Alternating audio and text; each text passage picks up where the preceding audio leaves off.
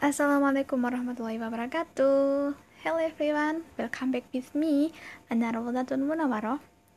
In this time, I will read the text and listen carefully. Special Olympic story.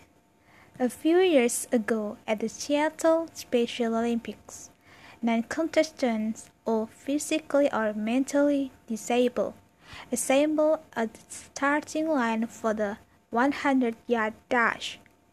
At the gun, they all started out not exactly in a dash, but with a relish to run the race to the finish and win.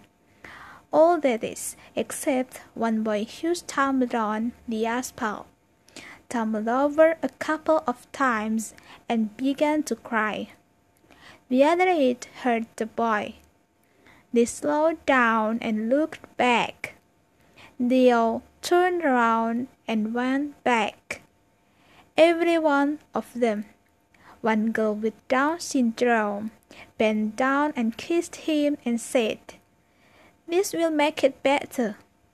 All nine linked arms and walked across the finish line together. Everyone in the stadium stood and the cheering went on for several minutes. People who were there still telling the story. Why? Because deep down we know one thing.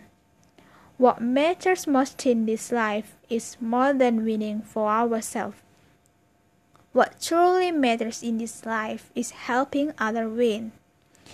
Even if it means slowing down and changing our course. Thank you for attention. Wassalamualaikum warahmatullahi wabarakatuh.